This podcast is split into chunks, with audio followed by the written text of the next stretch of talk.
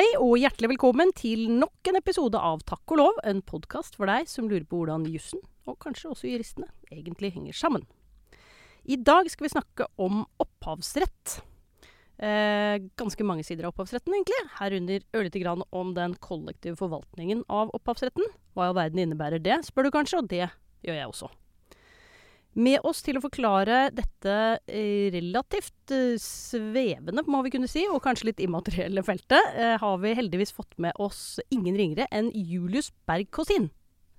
Velkommen. Takk, takk. Vær så god. Veldig hyggelig å ha deg her. Det samme. Du er altså eh, assosiert partner i Brekkhus advokatfirma. Jobber med disse spørsmålene. Du Mm. har en master fra Bergen. Det er veldig Mm. bra. Vi prøver jo å ha litt sånn distriktsfokus i, i dette programmet vårt, som vi ikke alltid lykkes med, men vi strever for å bli bedre. Og så har du en eh, Masters of Law i eh, IP Ja. fra Queen Mary University of London. Mm. Supert. Artig faktum pleier vi alltid å prøve å få med om eh, gjestene våre. Og det artige faktum vi kan ta med om deg, Julius, det er at eh, det er jo noe som noen vet, eh, naturlig nok, rundt deg, men ikke alle, jeg visste ikke. Det er at du har en søster som har skapt opptil flere åndsverk enn det du har gjort selv.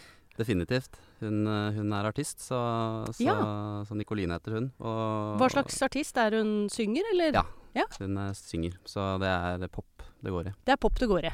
Ja, og hun eh, da, da har dere litt å snakke om da, i familieselskapene? Det har vi, selv om eh, jeg ofte liker å holde, holde jussen eh, igjen på jobb, eller iallfall på hjemmekontoret. Så, så hender det at vi har hatt diskusjoner om ja, hva hun bør gjøre, og hva som kanskje ikke er så lurt. og om hun eh, bør tenke på noe spesielt i de avtalene hun får sendt eller tredd, Ja, ja. tredd eh, nedover seg. Så nei da, det er, det, er, det er som regel eh, balanserte, balanserte avtaler. Men, men det, er, eh, det er ofte at man, man ser litt annen side ved det når, man- når man har noen som er såpass følelsesmessig involvert Ja. i det man skaper, da, eh, når man er advokat og, og sitter ved siden av.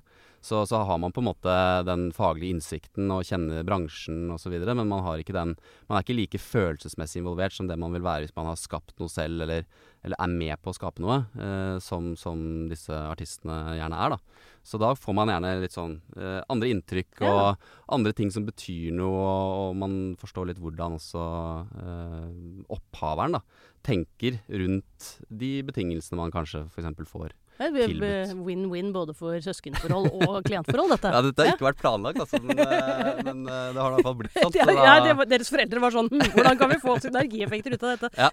Nei, det, det, er, det har bare vært gøy, egentlig, å, å få se det fra den siden. Det er herlig. Det er veldig bra. OK, ehm, Julius, vi må starte helt basic, fordi eh, jeg kan jo ikke denne jussen her i det hele tatt. Eh, hva er IP, eller immaterialrett?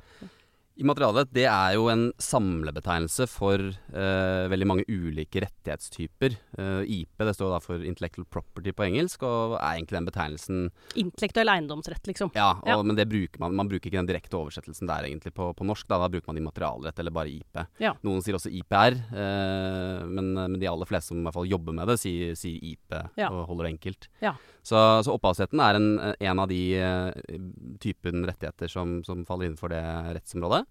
Uh, og så har man da varemerkerett, uh, patentrett og designrett, som er de klassiske eh, IP-rettighetsformene da, i tillegg. Ikke sant, Patenter, det husker jeg vi hadde min kollega Inger Berg Ørstavik og snakket om eh, patenter og vaksiner. Ja. Så da skjønte jeg litt mer av det. Og det går jo da på, på beskyttelse av oppfinnelser. Altså eh, egentlig da løsninger på tekniske problem. Så det er jo egentlig noe helt annet eh, enn opphavsrett, som ikke gir beskyttelse for funksjon, da, eh, på, den- på den måten. Sånn Ja, For da er det mer ideen, eller ikke ja, ideen, altså, men man, man, man sier gjerne at uh, opphavsretten er jo ikke noe idé- eller motivbeskyttelse, så man er avhengig av å faktisk skape noe som har en ytre fremtoning, som på en måte er manifesterbart. da, sånn at Uh, Ikke bare inni hodet. For det er jo en skapelsesprosess bak ideen også, men det er først når den kommer ut. Ja, sånn at, uh, sånn at uh, Man pleier ofte å si at når en forfatter f.eks. skriver en bok, så har man ikke i utgangspunktet rettighet til, til den fortellingen, eller til, den, til det jeg kan kalle universet, kanskje, da, som, som man skaper i den boken, men man har, man har enerett til den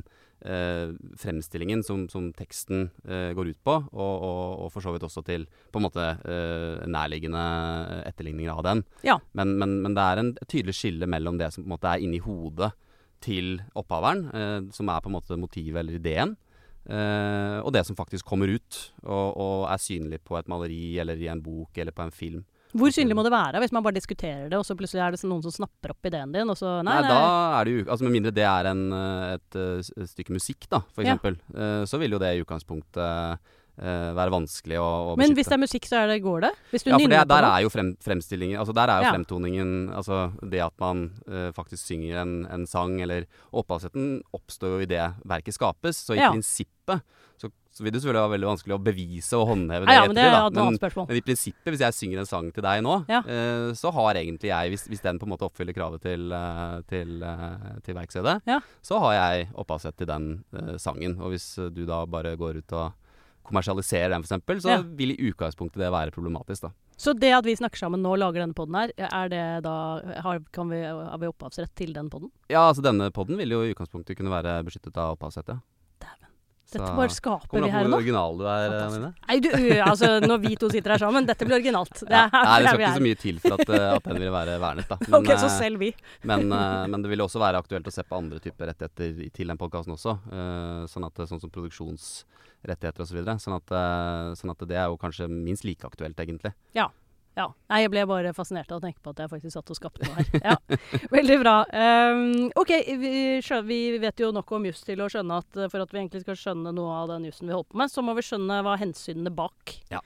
reglene er. Og hva er liksom grunnleggende hensyn bak opphavsretten?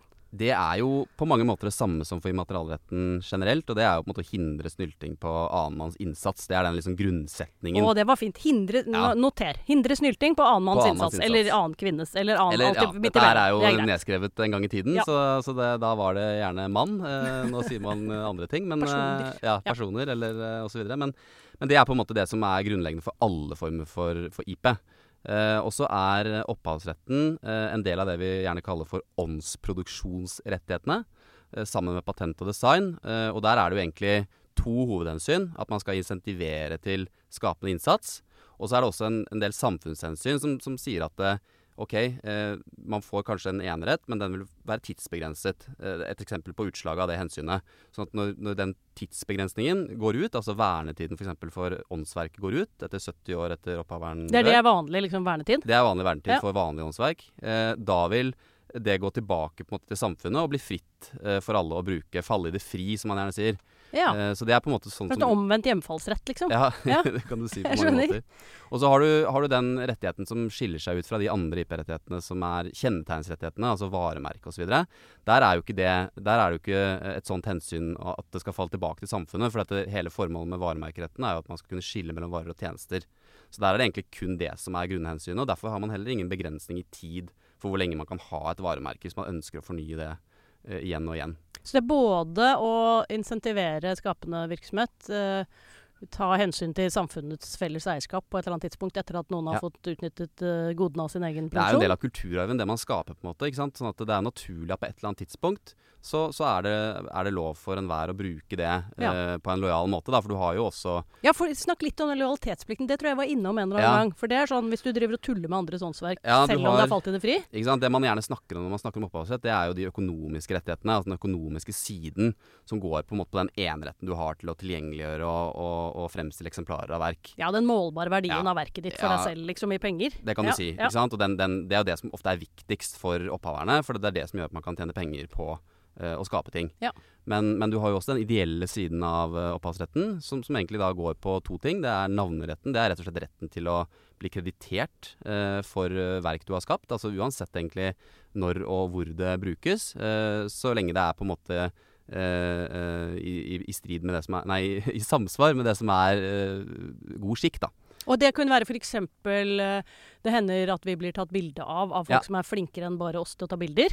Og da vil de gjerne eh, Noen ganger så vil de jo ha penger for at det bildet skal brukes, naturlig Mm. nok, og det er jo helt fair. Eh, men av og til så sier de dette kan brukes fritt, men da må man bare kreditere Ja, den og den. Det har du ulike lisenser på. Ja. Uh, ulike, så ser du særlig på nett ikke sant? at det gjerne står en sånn lang sånn tallkombinasjon med noen bokstaver. ja, er her det kan det være noe opphavsrettslig, står det, og så tør ikke jeg å dele det bildet. Ja, og ofte så er det da ulike former for lisenser, sånne Creative Commons-lisenser f.eks., som, som Wikipedia bruker en god del av. Ja, Hva Eh, betyr, hva betyr Creative Commons? Altså en, en Commons, det er en, sånn, en slags offentlig torg? Ja, eller det betyr altså Det kommer litt an på hvilken av de du snakker om, men Ja. sånn generelt så er det jo gjerne da lisenser som gir eh, det er en ganske vid rett til å bruke bilder eh, på en bestemt måte, som da er angitt i betingelsene da, Ja. for den lisensen.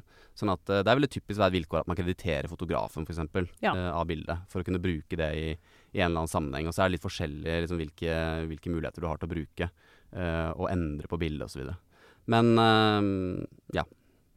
Ok, så da skjønte jeg, det skjønte jeg mye mer av. Også at det var en forskjell der for de navnerettighetene, som du sa. For det hadde egentlig en annen type motivasjon, nemlig at du kan skille ting fra hverandre. Varer Ja. f.eks. Cola og Pepsi eller Ja, og, og i tillegg til den navneretten, da, som er eh, den krediteringsretten, så har du også den respektretten. Og det vil si at eh, Dette liker jeg. Ja, Ja, jeg påberoper meg respektretten min. ja og det er jo, det Kan jeg ta, dra det for tenåringer?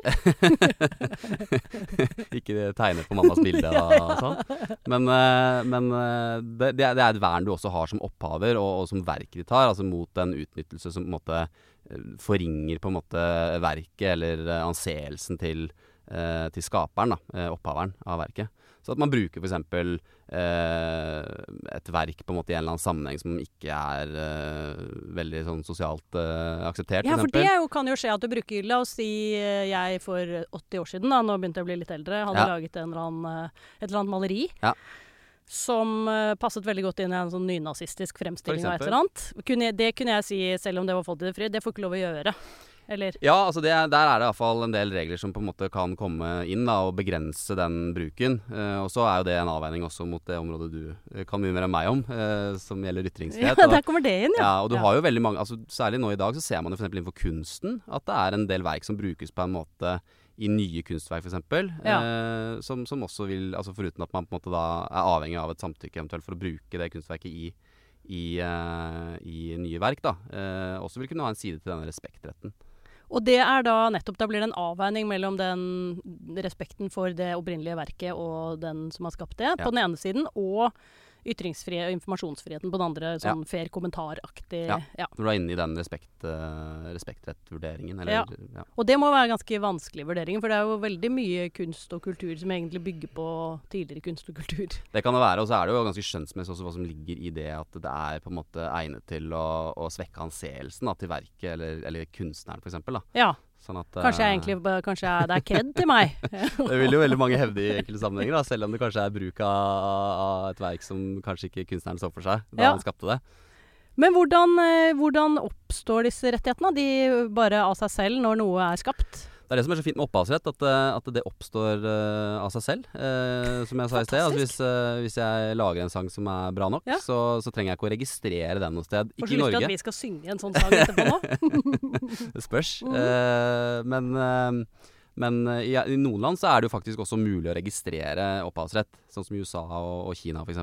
Ja. Eh, og da kan det være nyttig å gjøre eh, i de landene, men i Norge har man ikke en sånn mulighet. I motsetning til for patent og varemerker eh, og design, da, Ja. som, som er registrerbare. Så den oppstår, men du får ikke registrert den noe sted. Får ikke registrert Nei. noe sted, så, så i store saker f.eks. så er jo mye av Uh, av eh, på en måte tema å, å bevise at det faktisk eksisterer en opphavsrett. da. Ja. Sånn at, uh, at du må på en måte vise og sannsynliggjøre at uh, verket ditt har uh, originalitet. Ja, så Det er egentlig det samme som i mange deler av jussen, at rettigheten og notoriteten for rettigheten, eller muligheten til å bevise at du har den, det er to forskjellige ting. Ja. Ja. Ehm, hva omfatter opphavsrett, da? Altså, Vi har snakket om noe av det, men sånn Mm. Altså Det omfatter jo egentlig altså Det er jo eneretter til litterære og kunstneriske verk. Og så snakker vi gjerne da om frembringelser som en sånn samlebetegnelse for alt som er på en måte vernet av, av opphavsretten. Eneretter, hva ligger det i det? Det ligger egentlig i det at det er eh, snakk om forskjellige typer enerettigheter. Altså du har eh, eksempelvis eh, enerett til å fremstille eksemplarer av verket ditt. Det Ja. er én type enerett. Og så har du en annen type enerett som er da tilgjengeliggjøring. Og da kan man jo bruke eksempler. ikke sant? Det å trykke en, eh, det å trykke en bok, det vil jo da være eksemplarframstilling. Men så har du da tilgjengeliggjøring, som vil f.eks. kunne være å, å spille av en sang på en konsert, eller eh, bruke eh, Eller, eller eh, tilgjengeliggjøre på en eh, streamingplattform f.eks. Hvor, hvor det da ikke er like naturlig å snakke om eksemplar. Ja, sånn ja, Så- fordi det egentlig er ikke et eksemplar, det er at flere får tilgang til det. Ja. Så, så, så der er jo den der eh, digitale utviklingen også med på en måte å, å, å gi det litt ny mening til de, eh, til de, de klassiske enerettene, som, som tidligere var litt lettere å, å kanskje skille mellom, sånn også for de som ikke er eh, jurister da, og jobber med dette daglig. Ja. Så, men det, altså, utover det, så det er jo da typisk tekst, eh, bilde eh, det, Du har, eh, du har um, uh, altså kunst uh, Generelt da manifesterbare ting i form av tekst, lyd, bilde. Og så har du også en del naborettigheter som er vernet av opphavsretten. Sånn som databaser. eh, Naboretten òg ble sånn retten til ikke å bli påtvunget musikk. Det var ikke det? Nei, altså Det, det, det, det, som, det som vi kaller for naboretter, det er, det er på en måte ikke verk som krever at det er Altså som, som oppfyller kravet til originalitet. Altså som, som har verkshøyde, da, som vi gjerne snakker om for at noe skal ha Hva kan være eksempel på naborettighet? Det er f.eks. Uh, utøvende kunstneres vern for, uh, for, uh, for sine på en måte eh, for eh, opptredener. Ja. Det kan være databasevernet. Det kan være Og databasevernet, bare helt kort, det er altså at du lager en oppstilling av ja, ting. F.eks. en eh, gjeng med dommer, eller eh, Det kan det være. Det er en kjent sak på det i Norge med Lovdata. Ja, eh, og, og, og, og denne mm, rettspraksis.no som gikk helt til Høyesterett. Ja. Eh, hvor det var spørsmål da om rettspraksis.no gjorde eh, inngrep, da, eh, eller ulovlig uttrekk av den databasen som eh, Lovdata har. Det var jo et ganske sånn eh, snevert på en måte eh, omfang av avgjørelser, og, og det knyttet seg også til det sammendraget som eh, Lovdata lager disse avgjørelsene. Ja, nettopp. Ja, Så, mm, men det, det er et vern du har hvis du skaper en database eh, mot eh, ulovlig utnyttelse eller uttrekk av hele eller deler da, av eh, og da er det egentlig ikke ideen, men det arbeidet det har tatt oss å lage databasen? Ja, Man kaller det gjerne et investeringsvern, for man, det man egentlig beskytter der, er jo de ressursene og investeringene enkelte gjør da, i å opp å, kategorisere og, og, og opprette databaser som inneholder veldig mye eh, mengder informasjon, som kanskje ikke hver for seg er opphavsrettslig beskyttet. Så, så da har man en beskyttelse til, måte, til sammenstillingen. Ja, nettopp. Ja. Det slo meg akkurat da du sa det. Jeg har ikke tenkt på det før da du nevnte den saken. Lovdata rettspraksis.no. Ja. Genialt navn hvis du har laget noe for å gå til sak. For da kan du hele tiden si at det følger av rettspraksis. Og så kan du bare referere til din egen argumentasjon. ok. Um, bra. Vi må snakke ørlite grann om kollektiv forvaltning av Ja. opphavsrettigheter. Hva er det, og hva, hvorfor er det relevant for oss? Man kan jo se for seg eh, Ta det eksempelet med en TV-produksjon, da. Mm. Hvor du har veldig mange involverte. Veldig mange som skaper enten åndsverk eller eh, naborettigheter, som vi har snakket om. Eh, typisk eh, produsentrettigheter, f.eks. Ja. Eh, men det er veldig mange involvert. Det er alt fra mennesker som bare er med som statister, til skuespillere, til teknikere eh, og andre som er med å på en måte skape åndsverk alene, eller i, i fellesskap. Så hvis man skulle f.eks. da klarert alle disse rettighetene individuelt, så ville det blitt veldig omfattende og antagelig helt umulig i en god del sammenhenger. Ja. Eh, for å på en måte kunne vise dette, da. Eh, tilgjengeliggjøre og eksemplarframstille. Alt det vi egentlig skal eh, disse Filmen eller TV-programmet eller hva det måtte være senere. Ja. Så, så, så innenfor en god del eh, virksomhetsområder så har man da eh, kollektive eh, rettighetsorganisasjoner, sånn som Tono, Gramo, Norvaco osv. Og de, ja. Var Tono? Har jeg hørt. Det er, det er musikk. Musikk, ja. Ja. Så de, de vil du høre om i forbindelse med musikkavspillinger osv. Ja, nettopp. Da er det sånn avgift som går dit, og så Ja. kan man spille det i Ja, butikken sin. Så da har du det som kalles for, eh, da har du det som kalles for uh, avtalelisens, og, og, og det at man da egentlig kollektivt klarerer da, gjennom å, å betale da et vederlag til disse organisasjonene, som da forvalter rettighetene til opphaverne eh, de ulike, da, innenfor de ulike virksomhetsområdene, eh, kollektivt. Hvis jeg skal kopiere noen sider til studentene fra en bok. Ja, da vil eh, Da er det jo andre regler kanskje som Ja. vil komme komme til unnsetning der, da, men, men, men som ikke på en måte vil nødvendigvis gå på den siden av opphavsretten. Men, men, men da, har du, da har du potensielt også rettighetsorganisasjoner sånn som Kopinor f.eks., Ja. som du da kan forholde deg til. Eh, eller deres på en måte rammebetingelser, da. Sånn at, eh, sånn at det er en eh, egentlig helt nødvendig effektivisering, altså den kollektive eh, delen av det, er egentlig en nødvendig effektivisering for å, for å gjøre det mulig, da. Uh, å, og, og, skape egentlig den type verk som f.eks. en som består i en TV-produksjon eller andre type mer komplekse sammenhenger. da. Hva, øh, er- hva slags regler er det som øh, styrer dette her, da? Er det norske regler, eller? Ja, det er både norske regler og i stor grad EU-rettslige regler. Ja. Sånn, at, eh, sånn at det vil være, det vil være eh, altså åndsverksloven, altså den loven som ble oppdatert nå for noen år siden. Mm. Eh, innholdsmessig eh, mye av det samme som, som var fra den loven fra 60-tallet. Eh, men en helt klar eh, eh, språklig oppdatering. Og også eh, systematiseringen i loven har liksom gjennomgått en sånn betydelig oppgradering. da Ja. og tilpasset måte, dagens både språkbruk og måte på en måte å eh, skrive en lov på. Ja. Sånn at uh, Og ny teknologi også, eller? Ja, den, den, den, det er jo mange bestemmelser i åndsverkloven som tar inn over seg den teknologiske utviklingen som har skjedd siden 60-tallet, for å si det sånn. Ja. Det er jo en Eh, fordel, for der har det skjedd et og annet. øh, Det har skjedd veldig Ja. mye, og, og, og det er jo der vi ser i dag eh, kanskje eh, den største utviklingen, og, og også den økte måte, betydningen og aktualiteten for eh, opphavsrett. Det er jo rett og slett bruk av eh, opphavs... Eller eh, verk da, i digitale eh, flater. Altså den muligheten man nå har til å spre verk egentlig veldig effektivt.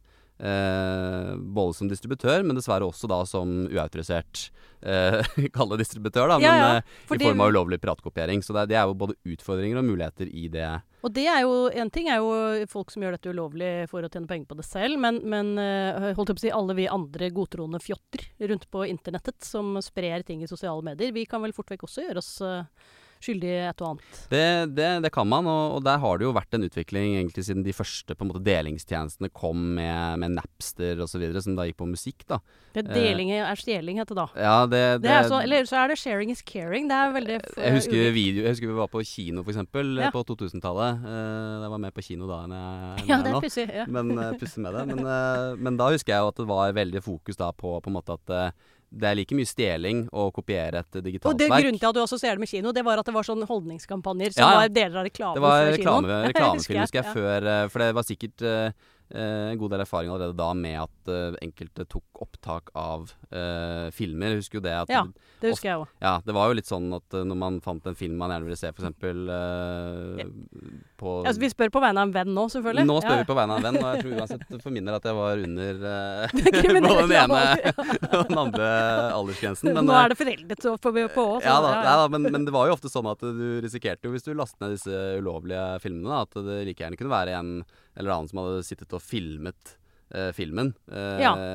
i salen. Det var ikke så stor eh, Ja. kvalitet. Så man startet på en måte der, da, Ja. med den kalde holdningsendringen og opplæringen, egentlig, i eh, bruken av eh, internett, vil jeg si. Eh, men da også innbakt i det på en måte den forståelsen for at rettigheter betyr like mye på nett som ellers. Det er ikke ulovlig å, å gjøre en, en eh, elektronisk bok tilgjengelig for andre, som det er å faktisk gå og kopiere eh, en bok, og så, og så gå og selge den Ja. eh, etterpå. Og det eh, er ulovlig selv om du ikke tjener penger på det. Eh, ja, altså du har jo regler om privat, altså, kopiering til privat bruk. Ja. Uh, men, men, uh, men med en gang du er i kall det kommersiell hensikt, så Ja. vil det Ja, og hvis du deler den Hvis du legger den ut på din egen hjemmeside, du vil, jo skade, du vil jo skade opphavers Ja, ja. i at det verket på en måte forblir på hans hånd da, når det gjelder de økonomiske rettighetene. Så, så det vil jo i utgangspunktet være et inngrep ja, Ja. I, i opphavsretten. Ok, en av de sakene som uh, har vært oppe relativt nylig i Høyesterett når det gjelder opphavsrettslige spørsmål, det er denne uh, spørsmålet om bruk av bilder fra hjemmesiden til advokatfirmaet Rogstad. Ja. Det var VG som hadde Ja. en sak om et advokatfirma. Ja. Og eh, en av, et av illustrasjonsbildene der, det var da hentet fra hjemmesiden til firmaet. Det stemmer. Eh, saken var, gjaldt egentlig en forside og en, en, en reportasje i, i VG som gikk da på eh, virksomheten til advokatfirmaet Rogstad. Fordi ja, Eh, der var det noe kritikkverdig, følte VG. der var det noe kritikkverdig, og det gikk på en måte måten både advokatfirmaet utførte advokatgjerningen sin på, og det var en del andre oppfølgingsreportasjer også, så dette var jo et gravearbeid, da, en gravejournalistikk, som Mm. var forberedt over lang tid fra VG sin side. Og i forbindelse med den eh, første artikkelen som var gjenstand for, eh, for denne saken, eh, som gikk helt til Høyesterett, det var jo da bruken av disse profilbildene til noen av advokatene. Eh, samt et privatbilde som, som en av de ansatte i firmaet eh, hadde tatt da, Ja. eh, av eh, en av advokatene. Og eh, spørsmålet eh, i saken var jo egentlig da om eh, om det her var gjort en urettmessig bruk da, av, av disse bildene i forbindelse med den reportasjen. Og for Utgangspunktet er jo at når man uh, har rettigheter knyttet til f.eks. et fotografisk bilde, som var spørsmålet i denne saken da, Det var ikke spørsmål om det var verkshøyde til disse bildene, for det var uansett beskytta som fotografiske bilder. Ja, ja. Uh, så, så, må man som utgangspunkt da ha samtykke, klarere bruken, som vi har snakket litt tidligere om. Ja, Det er jo det man ikke tenker så ofte på i sosiale medier, at det å bruke andres bilder faktisk krever samtykke. Det, det er riktig. Og så har du en del regler i åndsverkloven som likevel gir deg anledning til å bruke bilder. F.eks. da i form av disse disse eh, fribruksreglene, som f.eks. sitatretten. Ja. Eh, og så har du en del tvangslisensbestemmelser, som f.eks. er når medier omtaler dagssendinger, så er det også en, en, eh, en anledning til å vise frem da eh, bilder eller verk som, som, eh, som, da har en relasjon til eh, saken, da, f.eks. Og tanken bak sånne regler er at uh, det har en offentlig interesse, og det kanskje ikke er så lett å få tak i på kort tid? Ja, og noe av bakgrunnen også for denne dagssendingsregelen var jo også det å gjøre det enklere for mediene å kunne bruke bilder i breaking news, f.eks. Ja. Eh, sånn at man på en måte eh, slapp å gjøre et veldig omstendelig arbeid med selve den rettighetsklareringen, hvis ja. det faktisk var eh, eh Hadde en nyhetsverdi legitimt. Ja. legitim interesse i å, å bruke de Eh, og det går jo selvfølgelig på ytringsfriheten og, og på en måte informasjonshensynene bak. da. Ja. Uh, så, så, så, det som var på en måte første spørsmål i den saken for Høyesterett, var jo egentlig forholdet mellom denne sitatregelen, som da er en sånn fribruksregel, mm. og denne uh, dagshendingsregelen, som da er en tvangslisens, som innebærer at man må betale et vederlag for bruken. Selv om ja. man kan bruke bildet, Eh, så må man da senere betale et vederlag. Ikke sant. Det er sånn, ja. sånn nødrett på hytta på fjellet. Du kan bryte deg inn, og så er det ikke ulovlig, men du betaler erstatning etterpå. Ruta, ruta ja, etterpå. Ja. ja, på en måte. så, så, er det litt sånn. Og, og, og der uh, kom jo da Høyesterett til at uh, det var denne dagshendingsregelen som på en måte regulerte dette forholdet. For det var snakk om også flere bilder. Sånn at man uttalte da at, at det var dagshendingsregelen og ikke sitatregelen Eh, som kom til anvendelse, noe mm -hmm. som mhm. var da motsatt fra det lagmannsretten kom til. Ja, Hva Så mener de, du er riktig her, da? Nei, altså det er jo mange som har vært kritiske til, eh, eller flere i hvert fall, som har vært kritiske til den eh, oppstillingen av, det, av, den dagssendingsregelen eh, som Høyesterett gjør, og kanskje mener at den er noe streng. Eh, men det er ikke veldig overraskende, tenker jeg, i lys av de forarbeidsuttalelsene som, eh, som, som, er å finne. Hvor mye er det snakk om? Pengemessig å betale? Det er ikke bestemt ennå, uh, men det vil jo være betydelig mindre enn det som uh, Rogstad gikk uh, ut med i krav, da. Fordi de mente at det var jo da brudd på deres opphavsrett. Ja. Og det er klart at da har du helt andre rammer for hva du kan kreve av erstatning og oppreising ja. for urettmessig bruk. Så, men det er jo snakk om et vederlag likevel. så etter at man kom til at, at det var dagshendingsregelen som, som på en måte omfattet denne bruken, som regulerte denne bruken, så var jo egentlig det viktigste spørsmålet for uh, VG, uh, også Redaktørforeningen, som da var Hjelpeintervent, mm. uh, som den het før, eller heter nå. Ja, hva, hva nå heter. De, de, som hjelper til. Det endrer seg ja. stadig vekk, ja. men, men, de var i hvert fall trådte inn da, på VG sin side, Redaktørforeningen. Ja.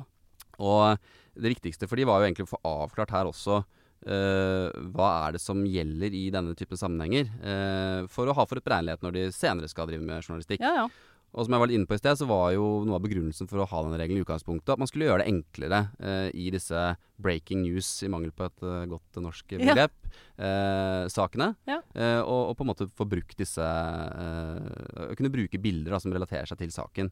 Så, så, da har man jo den på den ene siden altså, er, det, er det kun de tilfellene som omfattes, eller vil også da gravende journalistikk, hvor man egentlig forbereder en sak ganske lenge, ja. Eh, og så breaker man den. Ja. Dekker da på en måte eh, dagssendingsregelen det siste tilfellet også, eller er det bare disse breaking news? Ja, sånn, ja. Eh, og det fikk man avklart at det omfatter det fikk man også avklart denne type ting? At eh, det omfatter også da forhold som måtte ligge lenger tilbake i tid, og som, og som man da jobber med over tid, og så uh, kommer de ut og publiseres. Ja. Så lenge de da har på en måte uh, den dagsaktuelle interessen da, når de, når de brekkes.